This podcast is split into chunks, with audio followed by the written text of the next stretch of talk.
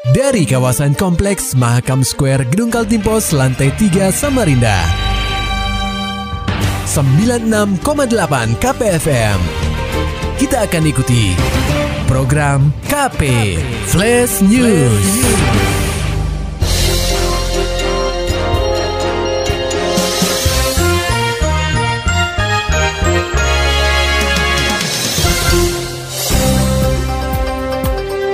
Anda sedang menyimak program KP Flash News bersama saya Agung Pratama.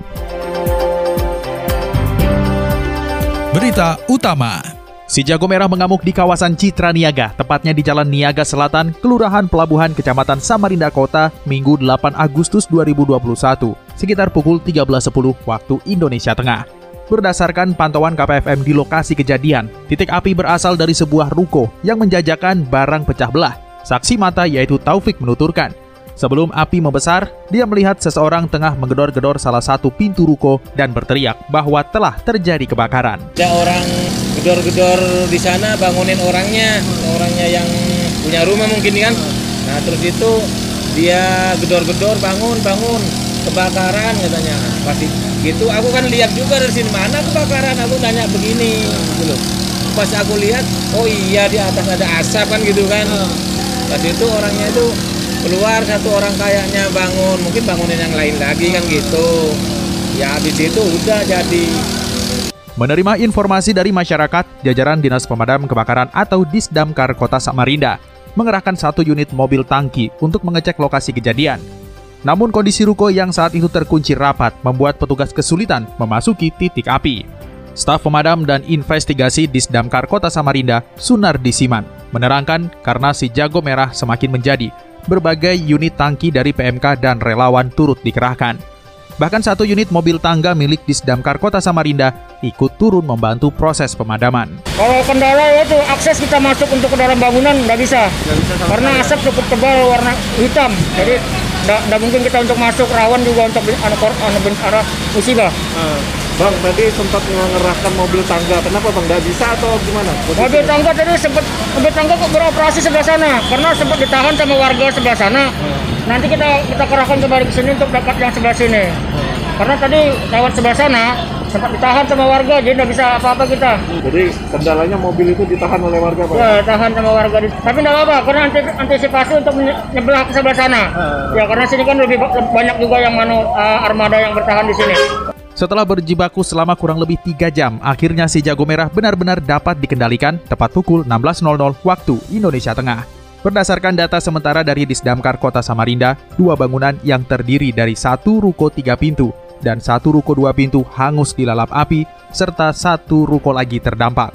Belum diketahui penyebab musibah kebakaran ini terjadi, namun pihak kepolisian telah berada di lokasi kejadian untuk menaksir kerugian serta menyelidiki penyebab kebakaran. Beralih ke berita selanjutnya, ringankan beban masyarakat yang terdampak COVID-19. Mahasiswa dan jajaran Polresta Samarinda bagikan 500 paket sembako.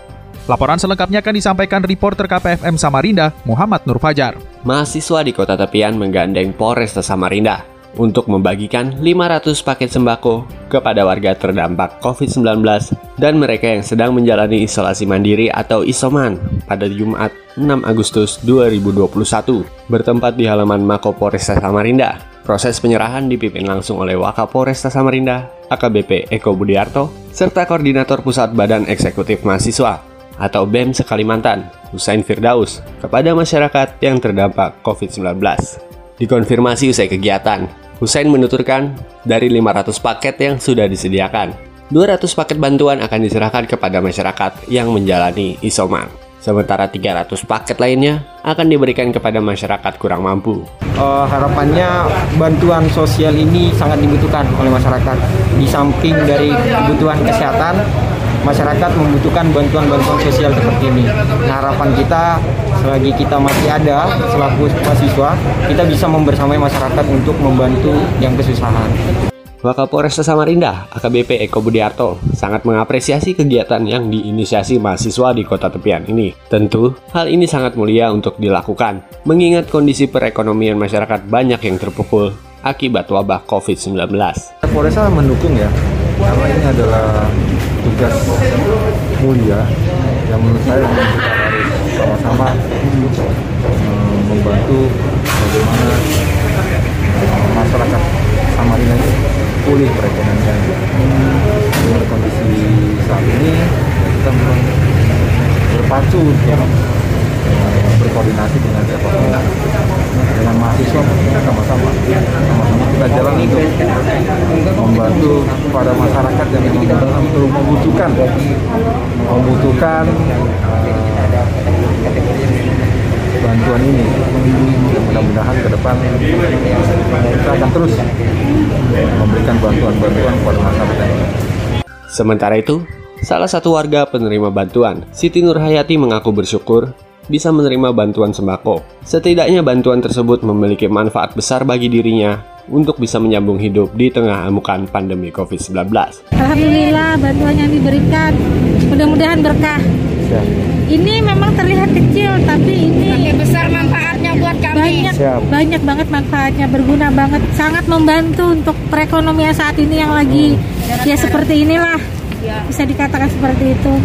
Lebih lanjut, Siti Nurhayati tak henti-hentinya berterima kasih kepada para mahasiswa dan unsur kepolisian untuk membantu masyarakat dan warga yang sedang menjalani isoman. Dia berharap agar bantuan tersebut bisa terus disalurkan kepada masyarakat lain yang belum menerimanya. KPFM Samarinda, Muhammad Nur Fajar melaporkan.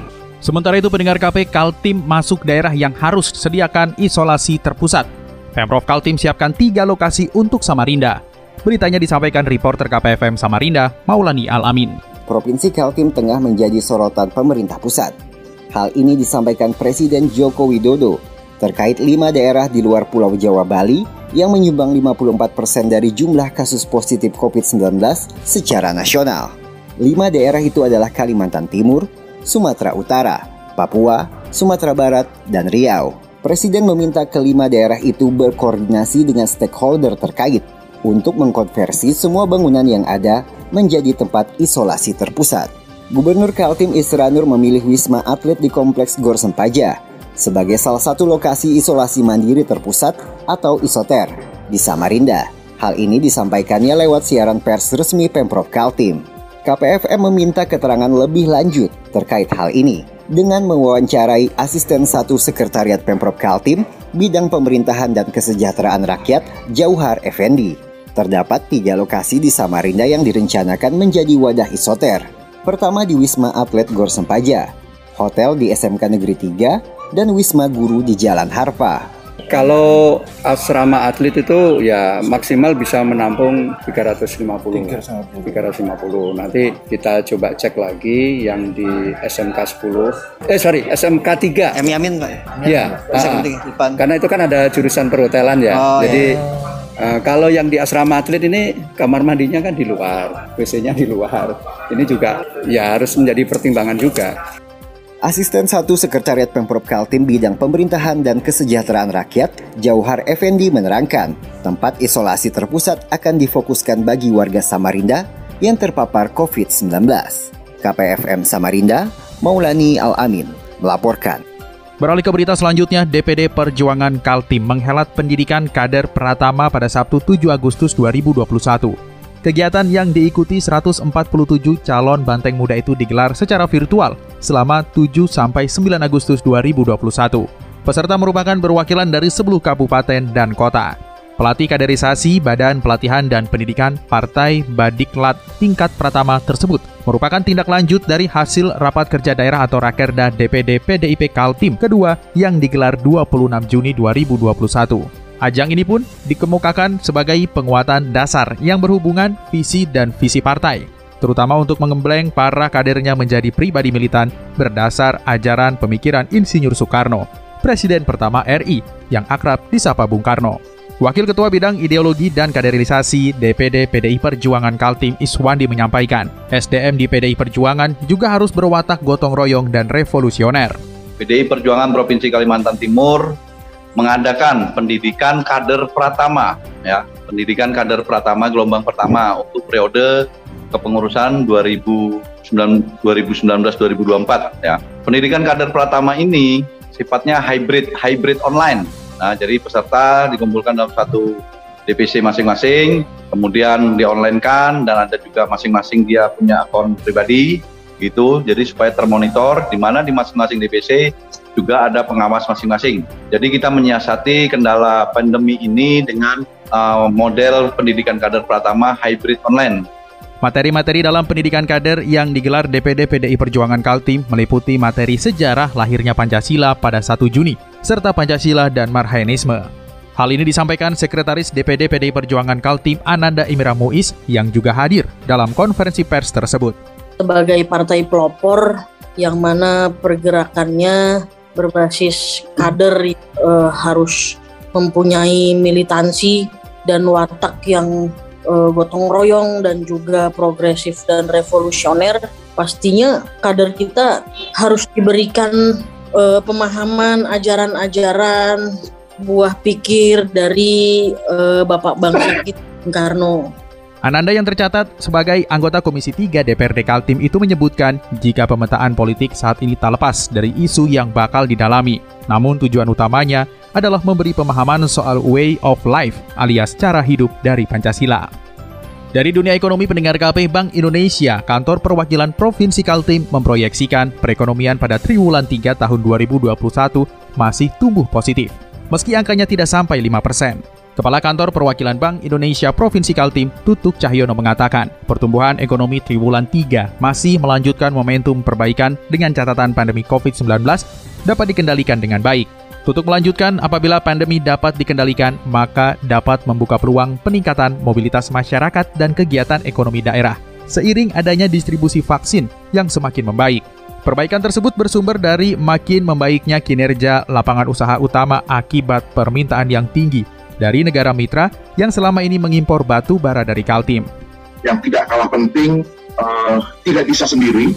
COVID ini mengajarkan kita, kita harus bersinergi, harus berkolaborasi, harus silaturahmi uh, satu sama lain, membangun Indonesia, membangun Kalimantan Timur, uh, mencari persamaan-persamaan di antara kita untuk memulihkan uh, kondisi ekonomi kita akibat COVID ini. Pemulihan harus dipercepat dan juga jangan lupa kita juga harus melakukan uh, transformasi Bapak Ibu sekalian. Jadi intinya pemulihan ini harus dengan sinergi, dengan melakukan penguatan sinergi bauran kebijakan, Kepala Kantor Perwakilan Bank Indonesia Provinsi Kaltim, Tutuk Cahyono juga menerangkan pada triwulan 3 mendatang, sektor transportasi terkait pertambangan diprediksi masih baik. Kalau transportasi lainnya terdampak pemberlakuan pembatasan kegiatan masyarakat atau PPKM. Selain itu, berlanjutnya realisasi anggaran bantuan ekonomi dan kesehatan masyarakat. Kemudian dimulainya proyek belanja modal diperkirakan mampu mendorong kinerja konsumsi pemerintah. Maulani Alamin, Muhammad Nur Fajar, KPFM Samarinda. Serta dapatkan berita-berita selengkapnya di www.968kpfm.co.id. Demikian tadi telah kita simak rangkaian berita-berita yang terangkum dalam program KP Flash News. Persembahan dari 96,8 KPFM. Terima kasih dan sampai jumpa.